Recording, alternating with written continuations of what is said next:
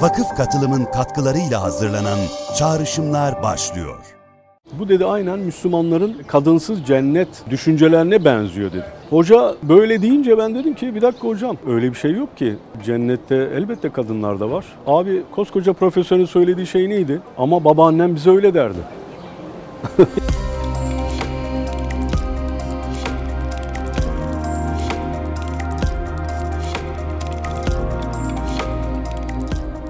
Evet dostlar bugün Üsküdar'dayız. Üsküdar e, benim de çok hatırası olan bir yer. Çünkü üniversite okumak için İstanbul'a geldiğimde bu camiye şu anda içinde avlusunda olduğumuz Yeni Valide Camii'ne çok yakın arka tarafta ablam oturuyordu. Onun evinde kaldım. Hazırlığı öyle okudum. Bu caminin ve Üsküdar'ın benim için o yüzden çok kıymetli hatıraları var. Bana çok aşina ve çok sıcak gelen bir yer. Üsküdar zaten harika bir yer. Yani. Şimdi bu camiyi de e, ayrıca severim. E, ve bu camide aslında sizinle paylaşmak istediğim bir şey de var. Şimdi e, buranın adı Yeni Valide Camii. Valide kim? Kimin annesi? Üçüncü Ahmet'in annesi. Gülnüş Valide Sultan'ın e, yaptırdığı bir cami. Görüyorsunuz güç sahipleri, servet sahipleri Osmanlı'da mutlaka halkın hizmetine e, servetlerinin bir kısmını mutlaka ayırıyorlar. Bu onlar için hem bir gereklilik aslında hem de bir prestij. E, o yüzden yani çok duyarsınız filanca paşa camii, filanca paşa medresesi, şudur budur. E, bütün bu kamu yapıları aslında insanların topluma kazandıklarını verme yöntemleri. Bugün de aslında çok örnek almak lazım. Yani ben bunları onun için anlatıyorum diyor. Yoksa ben ne yapayım? E, Üsküdar gelen görsün. Biz tur yapmıyoruz biliyorsunuz. E, turdan ziyade kafa turu yapmaya çalışıyoruz. Yani neyi nasıl algılamalıyız onu biraz çözmeye çalışıyoruz. Şimdi mesela burada minarelere bakın, şerefelere bakın, kubbe yüksekliğine bakın. Başka bir şey daha görüyorsunuz. Her şey ölçüyle yapılıyor. Yani civarda gördüğünüz her şeyin size çok böyle uyumlu gelmesi, güzel, ahenkli gelmesi aslında ölçülü olduğu için. Zaten bir müminin de ayırt edici vasfı ölçülü olması. Ama ölçün olması için ölçütlerin olması lazım. Yani bir şeyi dengeli yapman için mutlaka bazı kriterlere uyman, bazı standartlara, referanslara uyman lazım. Bizim genelde unuttuğumuz şeyler bu ölçüler. Yani kullukta da ölçü öyle. Ölçülü olan insan, güzel olan insan oluyor. Bu camiye ben her geldiğimde o ölçüye yeniden hayran oluyorum. Yeniden hayatımda bazı şeyleri ölçülü yapmam gerektiğini bana hatırlatıyor gerçekten. Ee, bu da öyle bir eser. Her eserden almamız gereken bir ders var. Bugün bu dersle başlayalım. Bakalım başka hangi ders var? Bu camide başka bir ders daha var. Hadi gelin oraya bakalım.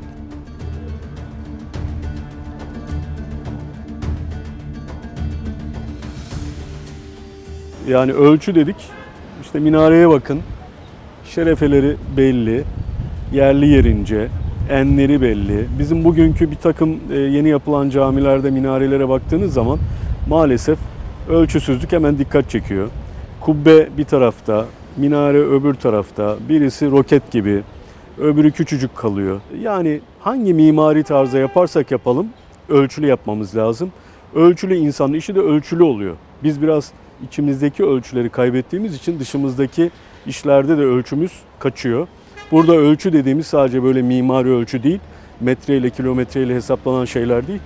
Allah'ın ve Resulünün ölçüsü ve bizim ölçülü olmamız aslında kulluğun bir gereği derken onu kastediyorum. Çünkü müminin ölçüleri vardır. Kafasına göre e, yapmıyor. Ama o ölçü aynı zamanda onu boğan bir şey demek de değil. Ölçü dediğimiz aynı zamanda aslında insana serbestiyet veren, hangi yolda yürümesi gerektiğini hatırlatan çok büyük kulvarlar. Yani müminlik özgürlük demek. Bakalım.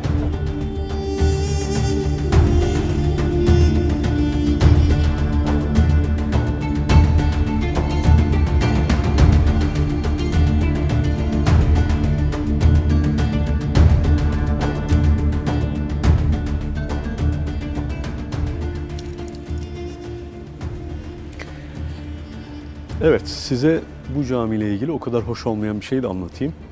Bunu bana Memduh Cumhur abi rahmetli, e, yine Üsküdarlı, çok kıymetli bir musiki şinas ve kültür adamı, şair. E, o rahmetli anlatmıştı. O da bir e, bu işi yaşayan bir Üsküdarlı'dan duymuş. Tek parti döneminde ezan Türkçe okunurken Sadece ezanın Türkçe okunup okunmadığını kontrol etmiyordu polisler. Bu caminin şu gördüğünüz avlusunda bekliyorlardı. Ezan Türkçe okunuyor mu okunmuyor mu? Bir kaçak olmasın. Aman ha asli ezan okunmasın diye. Çünkü o tür okuyanları hapse atıyorlardı biliyorsunuz. Aynı zamanda şahitlerin söylediğine göre aynı polisler çizmeleriyle, bakın bunlar e, Müslüman adamlar çizmeleriyle caminin içine girip ezandan sonra kametin de Türkçe okunup okunmadığını halılara çizmeleriyle basarak kontrol ediyorlardı. Biz o dönemle ilgili maalesef çok az şey konuşuyoruz. Ee, çok şey yaşanmış ama az şey aktarılıyor. Onlardan birisi mesela işte şapka devriminden sonra başı açık gezenlerin yakalanıp mesela başlarına katran sürülmesi. Maraş'ta yaşanan bir hadise. Bunları ben hep şahitlerinden duydum.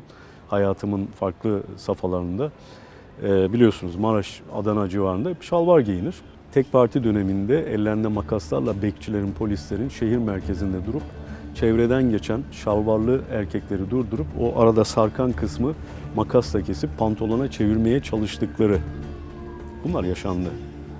Ee, efendim bunlar eskiden yaşanmış. Eskiden yaşanmış da kafa aynı. Bazılarının kafası değişmiyor. Ee, bunun da farkında olmak lazım. Onu da size bir anlatayım dedim.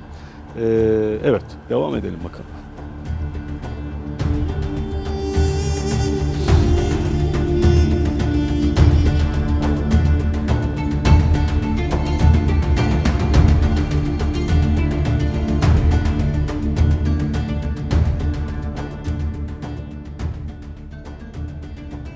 Evet bu camiyi yaptıran Gülnuş Emetullah Valide Sultan. Bakın Gülnuş Emetullah. Emetullah ne demek? Emetullah Allah'ın kulu olan hanım demek. Yani Abdullah kelimesinin Allah'ın kulu olan erkek kelimesinin dişili bu. Emetullah. Bu ismi çok severim. Kızımın da ismi bu. Ee, aslında Anadolu'da eskiden kullanılıyordu. Emet şeklinde söylenir. Bu güzel cami ve pek çok hayrı yaptıran bu kıymetli insan Allah rahmet etsin burada yatıyor. Fakat türbesine dikkat edin. Biliyorsunuz bizim genelde türbe kubbeleri taştan yapılır, kapatılır. Burada açık yapılmış. Sünnete uygun değil mi? Bak ölçüden bahsettik. Yani öyle koca koca türbeler, efendim kapalı şeyler bunlar hoş şeyler değil. Fakat burada çok orijinal bir şey yapılmış, güzel bir şey yapılmış, nadir gördüğümüz bir şey. Allah'ın daha çok sevdiği yağmurun içine girebilmesi için toprakla Allah'ın rahmeti arasına bir engel katılmamak için e, tel bir kafes, metal bir kafes yapılmış.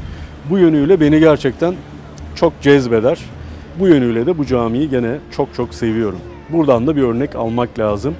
Ölçüye uyarsanız her türlü e, çözümü bulabilirsiniz aslında.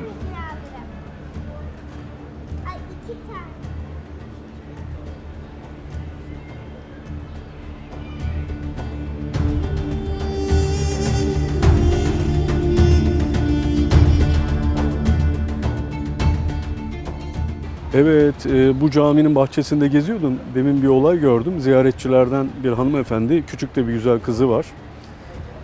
Böyle bahçenin de yeşillik yerlerine güzel çiçekler ekilmiş. Baktım hanım abla oradan koparmış, takır takır takır koparıyor, elinde buket yapıyor. E, kızı da ona özenmiş, o da çiçekleri koparıyor, beğenmediğini atıyor. Ben kızcağızın yanına geldim böyle e, hani bana baksın ki bir uyarayım gibi. Küçük kız bana bakar bakmaz dedim ki yavrum dedim o yerinde güzel. Onlar canlıdır. Allah'ı zikrediyor. Koparmasan daha iyi. Dedim onun üzerine annesi yavrum koparma dedi ama elinde buket duruyor. Ha, götürdü şimdi biraz önce. Abicim bizim bu yeşillik şeyleri böyle tutup koparma alışkanlığımız nereden geliyor ya? Ben bunu anlayamıyorum. Ya bir bırakın yerinde dursun ya. Yani bu kadar da yeşil düşmanı olmayalım. Değil mi?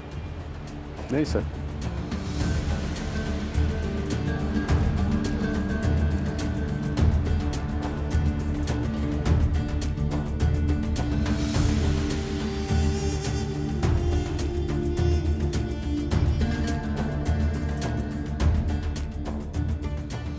Evet, burası da ilginç bir yer. Üsküdar'da yine bugüne bir ders çıkaralım.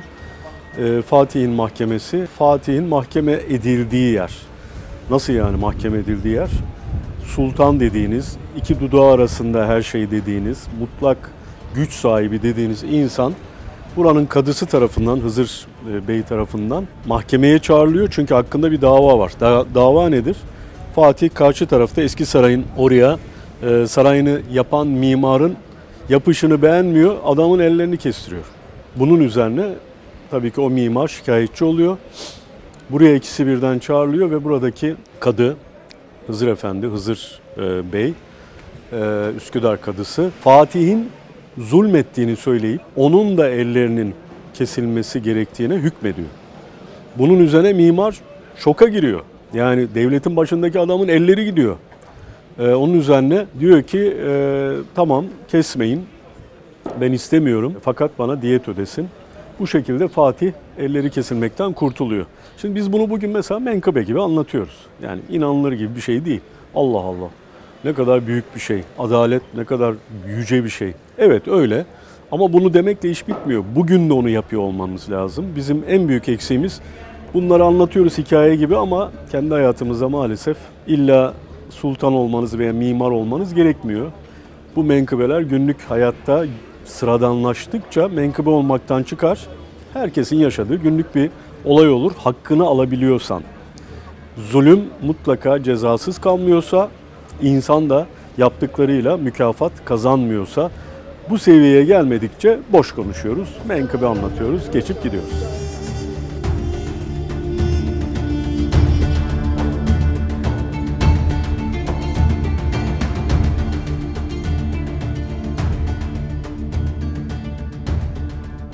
Evet Üsküdar Meydanı'na gelmişken Üsküdar Meydanı'nın karşı yakası Avrupa yakasında sahilde arkamda Dolmabahçe Sarayı'nı görüyorsunuz. Dolmabahçe Sarayı Osmanlı'nın bir yıkılış sembolü. Niye? E çünkü şaşalı debdebeli bir saray ve ne içinde ne dışında bizden bir tane iz bile yok. Tamamen bir Fransız kopyası alınmış oraya konmuş. Ee, eğer Osmanlı nasıl yıkıldı diye hep bir şeyler düşünmek istiyorsanız aklınızda bu saray resmini mutlaka muhafaza edin. Onu da sizinle paylaşmak istedim Yaşar.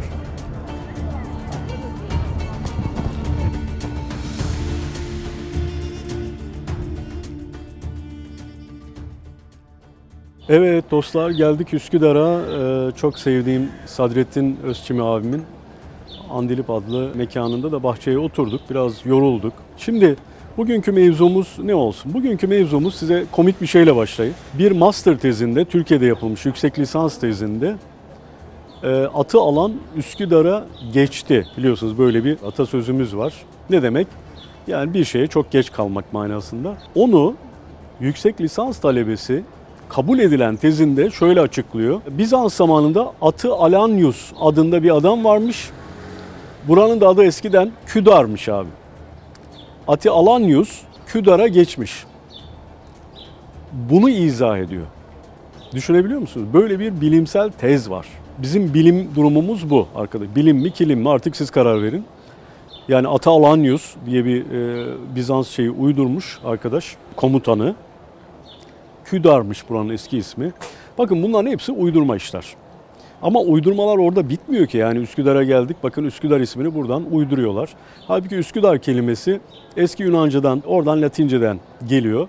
Sukutari'dir. Hatta Arnavutluk'taki İşkodra şehrinin de Latince ismi Skutari'dir. Ne demek o? Kalkancılar demek. Yani bir ordudaki kalkanlı birliğe Skutari denir. Büyük bir ihtimalle oradan geliyor ismi. Ama bizim arkadaş tutmuş bunu. Efendim atla alakası yok, atı alanla da alakası yok. Bu iş böyle birisi diye uydurmuş durmuş. Bu uyduruklara çok e, rast geliyoruz. Yani işte mesela Mihrimah Sultan yine burada cami vardır. O caminin mimarı olan Mimar Sinan'la gönül ilişkisi varmış. Efendim çok aşık olmuşlar. İki cami Mihrimah Sultan adına İstanbul'da birisi Üsküdar'da biri Edirne Kapı'da yapılmış. İkisinin de yapıcısı Mimar Sinan'mış. Efendim böyle bir gizli aşk varmış. Şimdi arkadaşlar yani akıl ve mantığı nerede devreye sokacağız? Buralarda sokmazsak. Bilim doğrulama üzerine olan bir şey. Doğrulama deyince yanlışlama da işin içine giriyor ama beraberdir. Sadece doğrulama veya sadece yanlışlama değil. Özellikle bir mümin için e, bir bilginin doğruluğu kesinlikle delillendirilmelidir. Delillendirilmeyen, mesnedi olmayan yani dayanağı olmayan bilgiler spekülatif bilgidir. Yani Doğru da olabilir, olmayabilir ama doğrudur diye kimse iddia edemez. Ve onu kabul etmeyen de kınanamaz, suçlanamaz. İlmin temeli bu. İslam'daki bilgi temeli bu. Peki bilgilerin en yükseği ne? Allah bilgisi. İşte bir müminin okumasını, yazmasını, kitap okumasını, okula gitmesini mümin olmayandan ayırt eden şey temelde budur.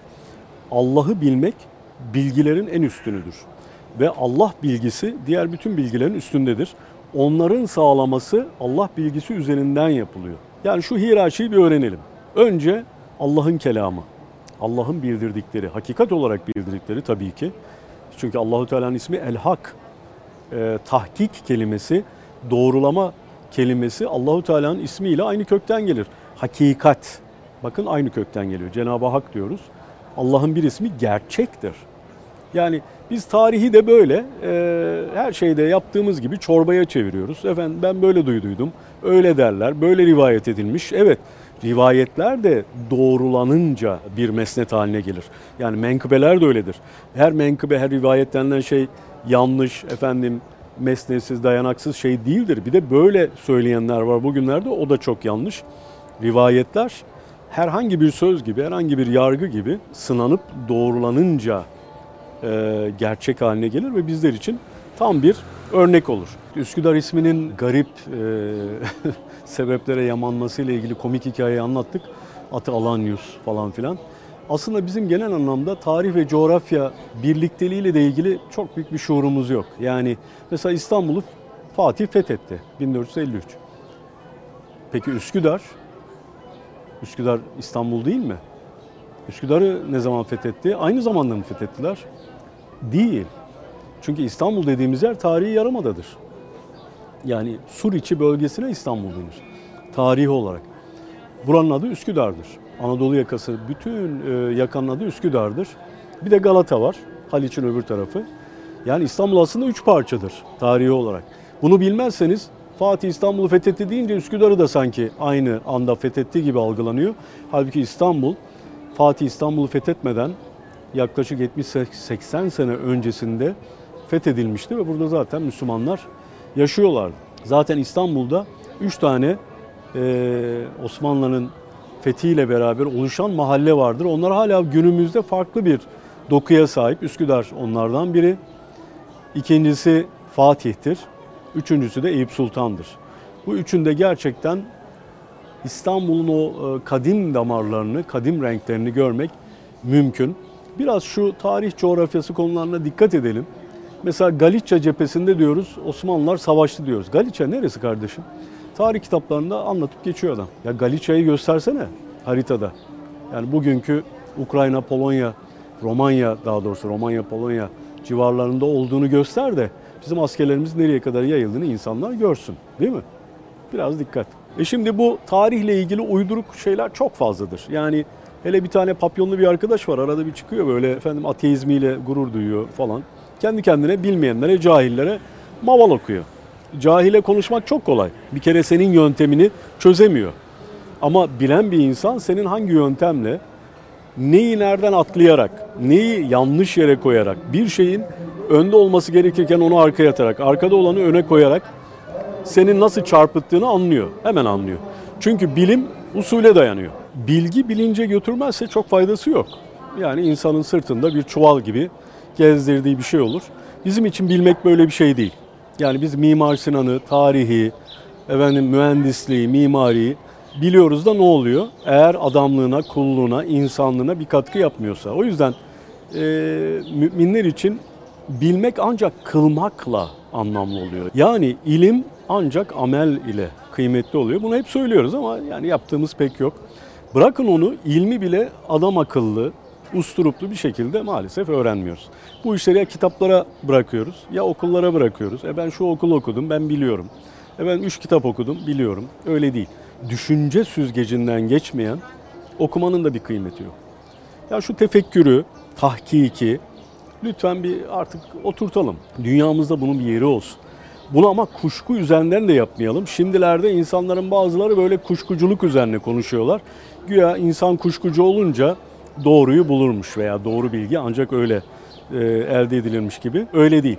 Müminler tahkik ile yani kuşkuculukla değil doğrulama ile bir bilginin e, sıhhatini, sağlığını, sağlamlığını tespit ediyorlar. Bakın sahih hadis diyorsunuz.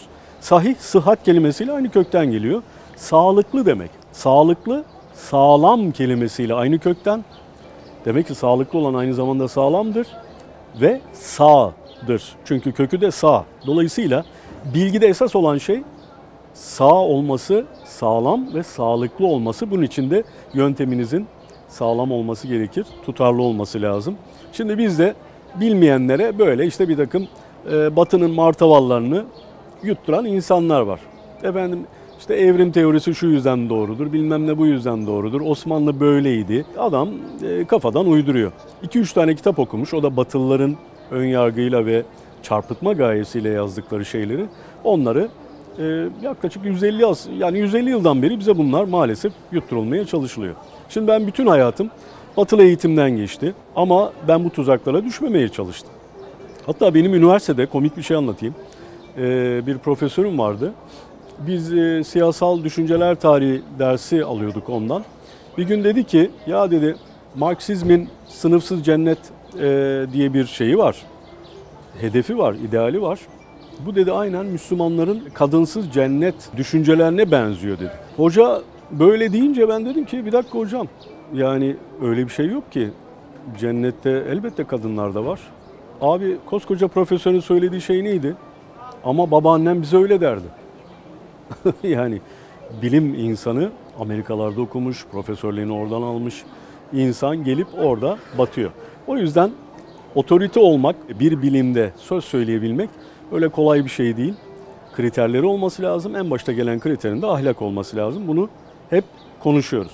Şimdi bu işte Atalan Üsküdar'ı geçti muhabbetine benzer şeyler bizim e, günlük hayatımızda da çok uydurulan ve insanlara yutturulan şeyler. Mesela bir tarihte ben bir e, mail grubunda bir şey gördüm. Telefonu açınca biz neden alo diyoruz? Bunun güya hikayesi varmış. Şimdi diyorlar ya şifreleri var, sırları var falan filan. E, güya hiç bilinmeyen bir şey anlatacaklar. Niye alo diyormuşuz abi? Çünkü telefonu icat eden Alexander Graham Bell onun bir sevgilisi varmış veya nişanlısı. Adı neymiş? Anita, Lolita bilmem ne. A, L, O yani isminin ve soyadının kısaltması A, L, O'ymuş. O yüzden adam demiş ki ya bundan sonra kim telefonu kaldırırsa e, nişanlımın adını e, kısaltmasını söylesin. Ben tabii çok güldüm. Bir kere arkadaşlar saçmalıkların bazıları zaten hemen belli olur. Çok araştırmanıza gerek kalmıyor. Çünkü alo şeklinde telaffuz hello kelimesinin Fransızca'da telaffuzuna dayanan bir şey. Yani İngilizce'de merhaba manasında açtıklarında hello diyor. Fransızlarda H harfi e, baştaysa telaffuz edilemez. Onlar ona alo demişler hello'yu Fransızlar. E biz de Fransızlardan aldığımız için pek çok e, modern cismi vesaire aleti e bize de alo olarak geçmiş. Yani öyle e, uyduruk şeyler var ki o uydurukları yutturmak gerçekten çok kolay. Hatta bunu çok ileri boyutlara taşıyanlar var. Mesela kime laf anlatmaya çalışıyoruz? Koskoca okumuş insanlara, profesör olmuş adamlara Osmanlıcanın yabancı bir dil olmadığını hala anlatmaya çalışıyoruz. Çünkü daha bir dilin ne olduğunu bilmiyorlar. Kelime haznesini ile dilin e, aynı şey olmadığını bilmiyorlar. E bunu bilmeyen adama ne okursan oku yani anlamıyor, anlatmıyor, anlatamıyoruz daha doğrusu. O yüzden en büyük sıkıntımız sadece bilgi eksikliği değil, cahillik değil her seviyede. Yani siyasetçisi, ticaretçisi, bürokratı, akademisyeni bizde cahil olmanın bir e, maliyeti yok. Uyduruk konuşmanın bir maliyeti yok. E ben böyle duymuştum, e, babaannem öyle demişti, e, filan e, arkadaş öyle konuşuyordu. Bunları günlük hayatta kullanınca kimse sizi kınamıyor. E, maalesef yani toplumumuzda bilmemek kınanan bir şey değil bilmek kınanan bir şey. Çünkü e, bilen insana gıcık kapılıyor. Özellikle bilmeyenler tarafından. Yani biz bilmiyoruz bu adam niye biliyor? Bizim bilmediğimiz şeyleri nereden biliyor? E, Valla o senden daha çok çile çekmiş. Emek sarf etmiş. Bana da mesela bazen e, Twitter'da falan filan bir şey yazıyorum. Kardeşim Twitter'da biz 280 karakterle o gün benim hayır bildiğim, doğru bildiğim, e, gençlerle paylaşmak istediğim bir şeyi o sınırlar içinde yazıyorum. Sabah benim vazifem budur. Uyanır uyanmaz bunu yapmam gerekiyor. Ama bazen bazı cevaplar geliyor. Diyor ki hocam bunu biraz daha açar mısınız? Ya güzel kardeşim Twitter açma yeri değil. Ben de diyorum ki kitaplarıma bakarsanız daha iyi olur. Bu sefer ne cevap geliyor? Ee, hep size söylediğimizde kitaplarımıza bakın diyoruz. E, biz size çok basit bir şey soruyoruz. Onu bir şeyle anlatın işte. Şimdi güzel kardeşim bir kere bilgi talep ediyorsan bilgi talep ettiğin yani bilen adama karşı biraz edebin olsun. Ee, bazı konular öyle herhalde Twitter'da, sosyal medyada çok yaygın olduğu gibi bir hakaretle, bir küfürle e, ifade edilmez. Düşünce, bilgi genişlik ister.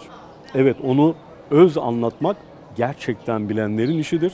Onlar zaten hemen anlaşılır. Öz bir cümleyle sana kocaman bir konuyu e, adam anlatıyorsa o işi gerçekten biliyordur. Ama çoğumuzda böyle bir kabiliyet yok. E, ben onu öz şekilde vermişim. E biraz da düşün ya. Yani şu kafayı kullanalım. Mesela dün bir e, Twitter'dan Moğol atasözü paylaştım. Diyor ki kirli su da ateşi söndürür. Şimdi birçok cevap geliyor. Hocam bu ne demek? Ya güzel kardeşim Moğol'un atasözü. Ne demek? E, ben okuyorum kendime göre bir anlam çıkar. E sen de çıkar. Yo illa birileri söyleyecek. Ben kafamı kullanmayayım, aklımı çalıştırmayayım. Sonra kendisi tahmin ediyor ve onu bana doğrultmaya çalışıyor. Ben onun için söylemedim onu zaten. Yani bu sözü çok olumsuz yerlerde de kullanırsınız, çok olumlu yerde de. Belki benim hiç aklıma gelmeyen bir çağrışımı sizde vardır. Bakın programın ismi Çağrışımlar. O yüzden şu düşünmeye bir alışalım ya. Düşünmek ayıp bir şey değil. İnsanı korkmayın. Yoldan zıvanadan çıkarmaz. Yeter ki usulünüz, yönteminiz doğru olsun. Doğru organınızla düşünün. Yani kalbinizle düşünün. Bu beyin merkepte de var. Merkebi de kurtarıyor. O da düşünüyor. Fakat insanı insan yapan şey kalbin aklı. Biz imanımıza dayanarak akletmeyi öğrenmemiz lazım. Bunu nereden öğreneceğiz? Böyle akleden insanları okuyacağız ve onları mutlaka tanıyacağız, seveceğiz, takip edeceğiz. Başka bir sıkıntı daha var gençler. Lütfen şu okuduğunuz okulları, okuduğunuz ders kitaplarını mutlaka addetmeyin. Bakın bizim eğitim sistemimiz öyle hiç de parlak bir eğitim sistemi değil. Hatta gün be gün daha da batan bir sistem. Bu eğitim sisteminden birisi kendi başına sadece okuyarak o sistem ne verdiyse onu alarak çıkıp da allamelik taslayamaz. En baba okulda okusanız da zaten taslayamazsınız. Fakat lütfen şu şeyi bırakalım. Yani e biz okulda böyle okumuştuk. E güzel kardeşim bize de okulda herhalde farklı şeyler öğretmediler. Biz de sizin gibi aynı sistemden geliyoruz. E nasıl ama? Kendimiz öğrendik ya. Yani biraz kendinize kıymet verin. Biraz araştırın, biraz okuyun. Bir şeyi bilmediğiniz zaman rahatsız olun. Ben öyle olurum. Yani e, merak ettiğim alanlarda bir şey bilmezsem çok rahatsız olurum. Bakın buraya gelmeden Üsküdar kelimesinin kökenini araştırdım. Çünkü daha evvel bakmıştım ama unutmuşum yıllar içinde. Mümkün mü? E, mümkün. İnsan unutur abicim. Bilgi unutulur zaten. O yüzden yenilemek gerekiyor. Bir de hatırlatıcılar gerekiyor. Geçen Eskişehir Kitap Fuarı'nda imza günüm vardı. Sağ olsun dostlar gelmiş. İmzalarken bir tane genç arkadaş geldi. Dedi ki hocam dedi sizin üç tane yanlışınızı gördüm televizyonda konuşurken. Müsaadeniz olursa onları söyleyebilir miyim dedi. Ama o kadar güzel tatlı söylüyor ki. E, tabii dedim söyle memnun olurum. Üç tanesini söyledim. Birisi tutarsız bir şekilde bir yerde doğrusunu söylemişim, başka bir yerde unutmuşum. Yanlış bir şey söylemişim. İki tane daha güzel şey söyledi. Kendisine gerçekten çok teşekkür ettim. Etmek lazım. Niye? E benim eksik kalmama razı olmuyor da beni düzeltiyor. Çünkü gerçek dost senin eksiğini görüp düzeltene denir. Onu da yapması için önce seni uyarması gerekiyor. Yanlışımdan ben nasıl haberdar olacağım? Dostum bana söyleyecek. Aynı olduğu için ona bakınca aa şuramda bir şey varmış diyeceğim ki orayı temizleyeceğim. E şimdi e, biz bunu yapmıyoruz. Yani bizim dostluğumuz nasıl günü? E, efendim sen ağasın paşasın o harikasın. Abi bir şey var mı? O harikasın. Her şey çok güzel. Bu aslında insana zarar veren bir şeydir. O yüzden doğru söyleyen ve doğruca söyleyen, tabii onun da bir edebi var, doğruca söylemek de önemli. Ee, insanlara hepimizin ihtiyacı var. Gerçek dost onlar. Çünkü düşman size eksiğinizi söylemez. Çünkü ondan istifade edecek. Onu kullanacak. Söyler mi adam size? Düzelmenizi ister mi? Ee, düzelmenizi isteyen ister devlet katında olsun, ister günlük hayatta, ister komşunuz, ister ahba, ister eşiniz, ister dostunuz, ister çocuğunuz. O sizin dostunuzdur. O sizin hem dünya hem ahiret mutluluğunuzu isteyen bir adamdır. Kendini o konuda e, feda eden adamdır. Bu, bu insanlar çok kıymetli. O yüzden iki şeyi unutmayalım. Bir, her okuduğumuz, her okulda öğrendiğimiz gerçek olan şeyler değil. İki, eksiğimiz olduğunda da birbirimizi güzelce uyarmamızı ve öğretmemizi, düzelmemizi lütfen garip karşılamayalım. Biz bunları yaparsak adam oluruz, toplum olarak adam oluruz. Irgalanmadığımız zaman, aa bu benim eksiğimi söyledi, ben bunu e, bu kadroya atamam. Aa bu adam filan tarihte beni eleştirmişti, vay bunu kulağımdan atıp e, kenara koyayım. Bunlarla hiçbir yere e, varılmaz. Mesele gerçeğin yaşanması ise gerçeği söyleyenlere her zaman yer vermek lazım. Nasıl ve nerede söylüyorlarsa söylesinler. Hak ehline yakışan bu.